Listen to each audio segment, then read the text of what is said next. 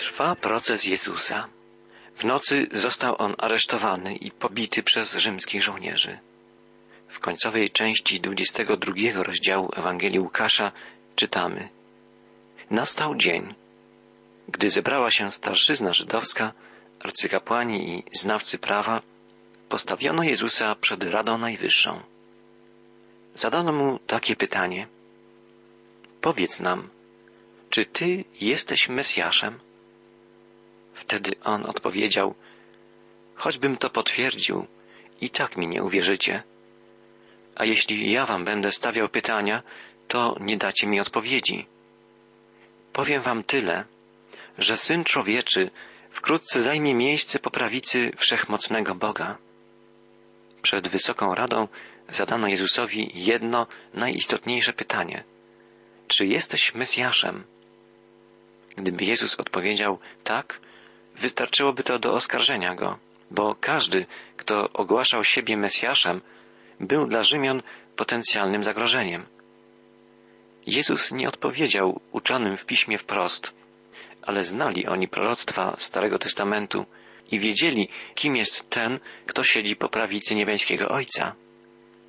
Prorokował o nim Daniel, a także Dawid w Psalmie 110, gdzie Bóg Ojciec mówi do swego syna: Siądź po prawicy mojej, aż twych wrogów położę jako podnóżek pod twoje stopy.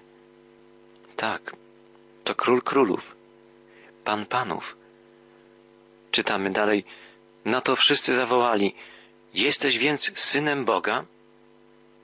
Jezus odpowiedział, sami mówicie, że nim jestem. Wtedy zawołali, słyszeliście? To jego własne słowa. Po co nam więcej dowodów? Jezus wiedział, że musi umrzeć. Nie obawiał się więc powiedzieć wprost, że jest synem Boga. Nie było już żadnych wątpliwości, że uważa siebie za Mesjasza i był nim w rzeczywistości. Dla uczonych w piśmie jego wypowiedź była jednak bluźnierstwem i została wykorzystana jako podstawa do oskarżenia go i skazania na śmierć. W 23 rozdziale Ewangelii Łukasza czytamy od początku. Wszyscy uczestnicy zgromadzenia powstali z miejsc i zaprowadzili Jezusa do Piłata. Tam zaczęli go oskarżać. Stwierdziliśmy, że ten człowiek buntuje nasz naród, występuje przeciwko opłaceniu podatków cesarzowi, ponadto twierdzi, że jest Mesjaszem i królem. Widzimy, że w drodze do Piłata uczeni w piśmie rozwinęli swoje oskarżenia. Piłat był rzymskim namiestnikiem. W czasie Paschy zawsze przebywał w Jerozolimie, żeby sprawować kontrolę nad świętującym tłumem Żydów zjeżdżających się tu z różnych stron świata. Wtedy Piłat zaczął go przesłuchiwać. Czytamy. Czy to ty jesteś królem Żydów? Jest tak, jak mówisz, odpowiedział Jezus.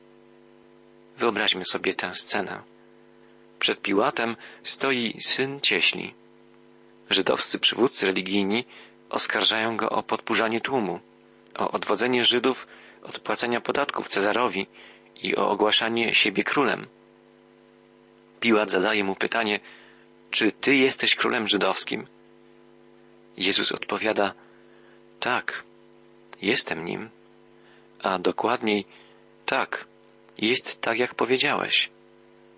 I Piłat pragnie wypuścić go na walność.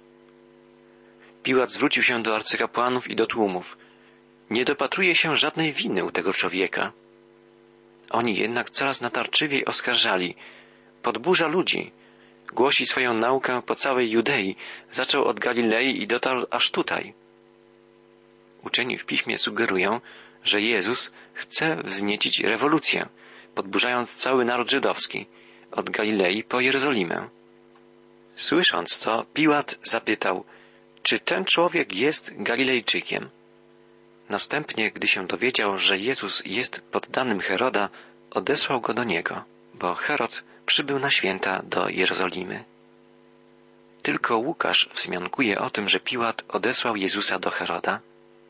Piłat chce uniknąć odpowiedzialności za podjęcie decyzji, decyzji stracenia lub uwolnienia Jezusa. ponieważ Galilea podlegała Herodowi, a był on w Jerozolimie, bo przybył na święto Paschy, Piłat przesyła Jezusa do Heroda. Herod bardzo się cieszył, bo od dawna chciał zobaczyć Jezusa. Wiele o nim słyszał i spodziewał się ujrzeć jakiś cud, którego dokona Jezus. Dużo wcześniej, jak czytaliśmy w trzynastym rozdziale Ewangelii Łukasza, Jezus polecił faryzeuszom, by udali się do Heroda. Idźcie i powiedzcie temu lisowi. Oto wyrzucam złe duchy i dokonuję uzdrowień dziś i jutro, a trzeciego dnia będę u kresu. Herod z tej wypowiedzi Jezusa zrozumiał tylko tyle, że dokonuje on cudów. Dlatego spotkanie z Jezusem wydaje mu się czymś bardzo ciekawym. Stawiał mu więc wiele różnych pytań, ale Jezus nie odpowiadał. Jezus milczał. Znał myśli Heroda. Wiedział, że nie jest on gotowy na przyjęcie jakiegokolwiek słowa prawdy o zbawieniu, że zmierza on ku wiecznemu zatraceniu. Obecni przy tym arcykapłani i znawcy prawa z zacietrzewieniem oskarżali go.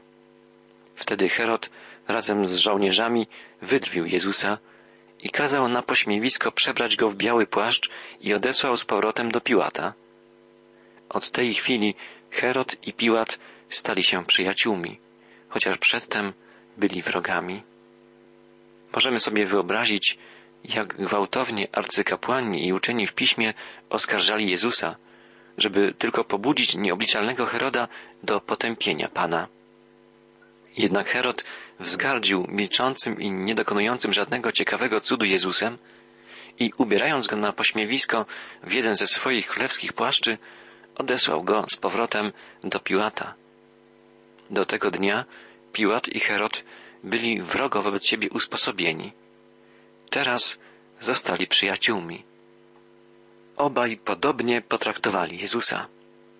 To ich zjednoczyło. Teraz Piłat wezwał do siebie arcykapłanów, urzędników oraz tłum ludzi i tak do nich przemówił. Przyprowadziliście do mnie tego człowieka pod zarzutem działalności wywrotowej wśród ludu. Przesłuchałem go w waszej obecności i stwierdziłem, że nie popełnił tych przestępstw, o jakie go oskarżacie. To samo stwierdził Herod i odesłał go do mnie z powrotem. Widzicie więc, że nie popełnił niczego, za co należałaby się kara śmierci. Piłat oświadczył, że po przesłuchaniu Jezusa nie znajduje w nim winy w sprawach, o które jest oskarżony. Również Herod, mówił Piłat, nie uznał go za winnego, skoro odesłał go z powrotem do mnie. Otrzyma więc karę chłosty, a potem go zwolnię, zadecydował Piłat. W tych słowach Piłata jest zawarta niekonsekwencja. Jeśli Jezus jest winny, powinien zostać ukarany. Jeśli jest niewinny, powinien zostać wypuszczony na wolność. Tak powinno stać się w świetle rzymskiego prawa. Dlaczego Jezus ma być wychłostany, a potem uwolniony? Piłat nadal nie wie, jak postąpić, bo nie chce wziąć na siebie odpowiedzialności za podjęcie decyzji. Dalej czytamy, ponieważ był zwyczaj ułaskawiać z okazji świąt jednego skazańca, tłum zaczął krzyczeć: Zwolnij nam Barabasza, śmierć Jezusowi.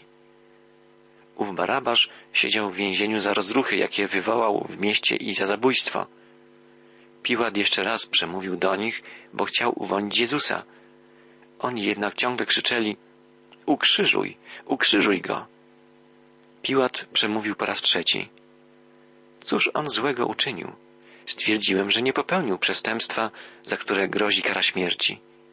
Otrzyma więc karę chłosty i zwolnię go. Nie ustępowali jednak i głośno się domagali, żeby go skazał na krzyżowanie. Wrzawa była coraz większa. Piłat zdecydował więc, by stało się zadość ich żądaniu. Zwolnił tego, który siedział w więzieniu za rozruchy i zabójstwo, o którego oni się domagali, Jezusa natomiast wydał na pastwę tłumu. W drodze na miejsce kaźni zatrzymali pewnego Cyrenajczyka Szymona, który wracał z pola. Włożyli mu na barki krzyż, aby go dźwigał za Jezusem. Piłat do końca usiłował uniknąć podjęcia decyzji co do skazania Jezusa na śmierć.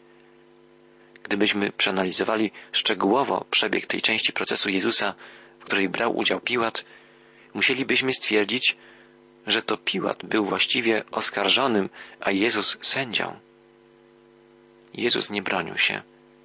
Nie próbował uniknąć odpowiedzialności, tak jak Piłat. Piłat sądził, że łatwo zaspokoi żądania tłumu, jeśli wyda im bandytę Barabasza, a Jezusa wypuści wolno. Dał im wybór. Barabasza wypuści lub Jezusa i był przekonany, że lud zażąda, by uwolnił Jezusa. Nie był świadomy tego, do jakiego zaślepienia i fanatyzmu prowadzi fałszywie pojmowana religijność. Mateusz podaje w swej Ewangelii, że przywódcy religijni nakłonili lud, by zażądał wypuszczenia na wolność Barabasza. Piłat był zdumiony i nie wiedział, co robić dalej. Wyobraźmy sobie sędziego, pytającego dziś w czasie procesu publiczność, co ma zrobić z oskarżonym. Piłat stwierdził, że Jezus jest niewinny, a potem wydał go na śmierć. Co za sprawiedliwość. Piłat musiał w końcu podjąć decyzję odnośnie swego stosunku do Jezusa. Nie uświadamiał sobie, że jest to najważniejsza decyzja, jaką podejmuje w swoim życiu. Każdy z nas musi i dzisiaj określić swój stosunek do Jezusa. Jaka jest lub jaka będzie Twoja decyzja? To jest również najważniejsza decyzja w Twoim życiu. Przypomina mi się pewien dwuwiersz, który znalazłem w jednym z chrześcijańskich czasopism. Co zrobisz dziś z Jezusem? Szczerze odpowiedz sam. Przyjdzie czas, gdy zapytasz, co zrobi ze mną Pan? W Ewangelii Łukasza czytamy dalej od wiersza 27 w 23 rozdziale. W tej drodze towarzyszyło Jezusowi wielu ludzi, a wśród nich wiele kobiet, które płakały i lamentowały. Jezus jednak zwrócił się w ich stronę i powiedział, Córki Jerozolimy, nie rozpaczajcie z mego powodu. Płaczcie raczej nad sobą i swoimi dziećmi. Uważajcie, nadchodzą dni, kiedy ludzie będą mówić, że szczęśliwe kobiety bezpłodne, bezdzietne, które nie karmiły piersią. Wtedy zaczną wołać góry, padnijcie na nas, wzgórza, bądźcie naszym grobem. W drodze na krzyż Jezus zwrócił się do kobiet, które płakały nad nim. Zapowiedział im, że przyjdą dni, w których lepiej byłoby nie wydawać dzieci na świat, bo będą to dni wielkiego ucisku. Jezus nie oczekuje naszego współczucia, oczekuje naszej wiary i zaufania Mu. On nie musiał umrzeć. Poszedł na krzyż zupełnie dobrowolnie. Nie poszedł tam, by wzbudzić nasze współczucie, ale by nas zbawić. Doszli wreszcie na miejsce straceń, zwane czaszką, i tam ukrzyżowali Jezusa, a obok niego dwóch przestępców, jednego po prawej, a drugiego po lewej stronie. Jezus zawisł na krzyżu pomiędzy dwoma złoczyńcami. Wtedy Jezus powiedział, Ojcze, przebacz im, bo nie wiedzą, co czynią. Oprawcy zaś ciągnęli losy, jak podzielić się jego szatami. Jezus prosi swego Ojca, by wybaczył ludziom to, że go krzyżują. Gdyby tego nie uczynił, ludzie ci byliby winni popełnienia nieprzebaczalnego grzechu, uśmiercenia Syna Bożego. Wokoło zebrał się tłum jak na widowisko, a co znaczniejsze osoby wyśmiewały się z Jezusa, innych ratował, mówili, niechże ratuje siebie, skoro jest Mesjaszem wybranym przez Boga. Gdyby Jezus zszedł z krzyża, nie byłby Mesjaszem. Nie wypełniłby proroctwa Izajasza, mówiącego, jak czytamy w 53 rozdziale, o Mesjaszu. Po udręce i sądzie został usunięty. A kto się przejmuje jego losem? Tak, zgładzono go z krainy żyjących. Za grzechy mego ludu został zbity na śmierć. Prorok Izajasz Zapowiedział, że Mesjasz przejdzie przez więzienie i sąd, który skaże go na śmierć i że wyrok zostanie wykonany. Nikt nie przejmie się jego losem, ani w trakcie procesu, ani w czasie jego agonii. Mesjasz został zgładzony za grzechy ludu. Słowa proroka wypełniły się na krzyżu Golgoty. Żołnierze drwili z niego, podchodzili i podsuwali mu skwaśniałe wino. Jeśli jesteś królem Żydów, mówili, ratuj sam siebie. Nad jego głową był napis To jest król żydowski. Jeden z przestępców powieszonych obok obrzucał go obelgami. Co z ciebie za Mesjasz? Ratuj siebie i nas. Nad ukrzyżowanym Jezusem umieszczono napis To jest król żydowski. Napis w języku greckim, hebrajskim i w łacinie. Greka to ówczesny język kultury, sztuki, literatury i nauki. Łacina to język porządku prawnego, porządku administracyjnego, język władzy politycznej i militarnej. Hebrajski to język religii. Gdy Jezus powróci, by ustanowić swoje królestwo, będzie władcą w każdym sensie politycznym, religijnym, kulturowym. Napis, który umieszczono na krzyżu z zamiarem wyszydzenia Jezusa, mówił prawdę o tym, kim on w rzeczywistości jest. Jeden z przestępców, czytamy, powieszonych obok obrzucał go obelgami. Co z ciebie za Mesjasz? Ratuj siebie i nas. Drugi przestępca upomniał go jednak. Bój się Boga, przecież tak samo jesteś skazańcem. My obaj zostaliśmy skazani sprawiedliwie. Słusznie ponosimy karę za to, co zrobiliśmy. Ale ten człowiek nic złego nie uczynił. Mateusz i Marek relacjonują w spisanych przez siebie Ewangeliach fakt, że na początku obydwaj złoczyńcy urągali Jezusowi. Ale podczas sześciu godzin, w czasie których Jezus i złoczyńcy wisieli na krzyżu, jeden z nich spostrzegł, że dzieje się tu coś niezwykłego. Uświadomił sobie, że Jezus nie umiera z powodu swoich występków, że jest niewinny. Uświadomił sobie, że Jezus umiera z powodu występków innych ludzi. Złoczyńca dostrzegł w Jezusie Mesjasza, wybawcę i zwrócił się do Niego, jak czytamy, Jezu, wspomnij na mnie, gdy przyjdziesz do swego królestwa. A Jezus odpowiedział, bądź pewny, dziś jeszcze będziesz ze mną w raju. Tego samego dnia, w którym ów złoczyńca został uznany przez Rzymian za niegodnego, by żyć na ziemi, znalazł się on z Jezusem w raju. Człowiek ten popełnił zło, był przestępcą, ale wiara w Syna Bożego sprawiła, że został przez Boga ułaskawiony. Otrzymał od Pana dar zbawienia. Wiara w Jezusa Chrystusa jako Zbawiciela, umierającego na krzyżu zamiast mnie i Ciebie, jest podstawą i jedynym koniecznym warunkiem naszego zbawienia. Było już około południa. Nad całym światem zapanowały ciemności aż do godziny trzeciej z powodu zaćmienia słońca. W tym momencie zasłona świątyni rozdarła się na pół.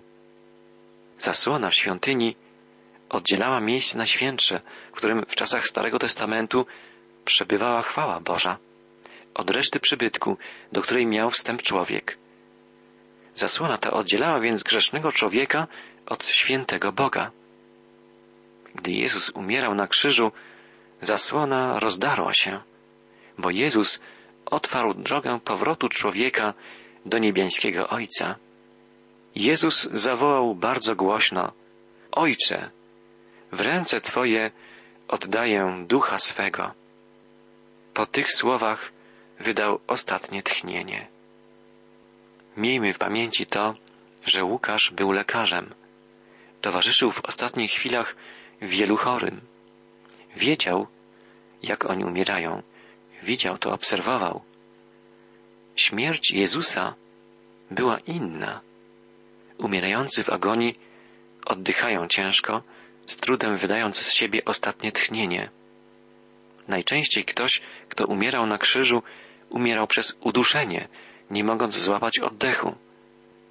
Natomiast Jezus, jak czytamy, zawołał donośnym głosem Ojcze, w Twoje ręce powierzam ducha mego. Jezus odszedł, zmarł w pełni świadomie, powierzając swego ducha Bogu Ojcu. Ewangelista Jan, który stał pod krzyżem, dodaje, że Jezus zawołał jeszcze na sam koniec wykonało się. Był to krzyk zwycięstwa. Dowódca oddziału egzekucyjnego, widząc co się stało, oddał cześć Bogu i powiedział: Ten człowiek naprawdę był niewinny. Setnik, czyli oficer wojsk rzymskich, z pewnością nadzorował cały przebieg ukrzyżowania Jezusa od początku do końca. Stojąc pod krzyżem, spoglądał w górę i obserwował skazańca. Czynił to już wielokrotnie. Jezus zachowywał się zupełnie inaczej niż inni skazańcy. Setnik dostrzegł w Jezusie człowieka prawego, niewinnie umierającego na krzyżu.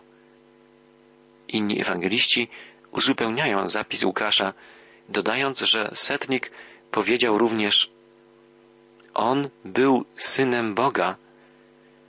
Wiara tego rzymskiego żołnierza świadczy o przemianie, jaką przeżył, obserwując umierającego Jezusa. Możemy z dużym prawdopodobieństwem stwierdzić, że człowiek ten dzięki swojej wierze otrzymał od Pana dar zbawienia, podobnie jak Łotr, który przeżył swoje nawrócenie, umierając na krzyżu obok Jezusa.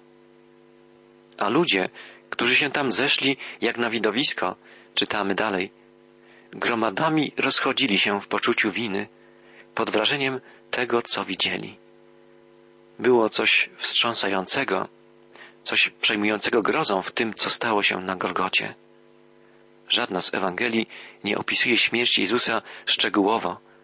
Autor Biblii, Duch Święty, zaciągnął zasłonę na konającego Syna Bożego.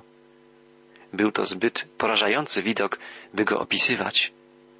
Nie ma słów, w których człowiek mógłby wyrazić to, co stało się na krzyżu Kolgoty. Możemy jedynie patrzeć na Jezusa jako na swego Zbawiciela z zaufaniem i z wdzięcznością. To, co najistotniejsze, wiemy. Jezus zmarł w nasze miejsce, zabierając, ścierając nasz grzech. Obdarował nas nowym życiem.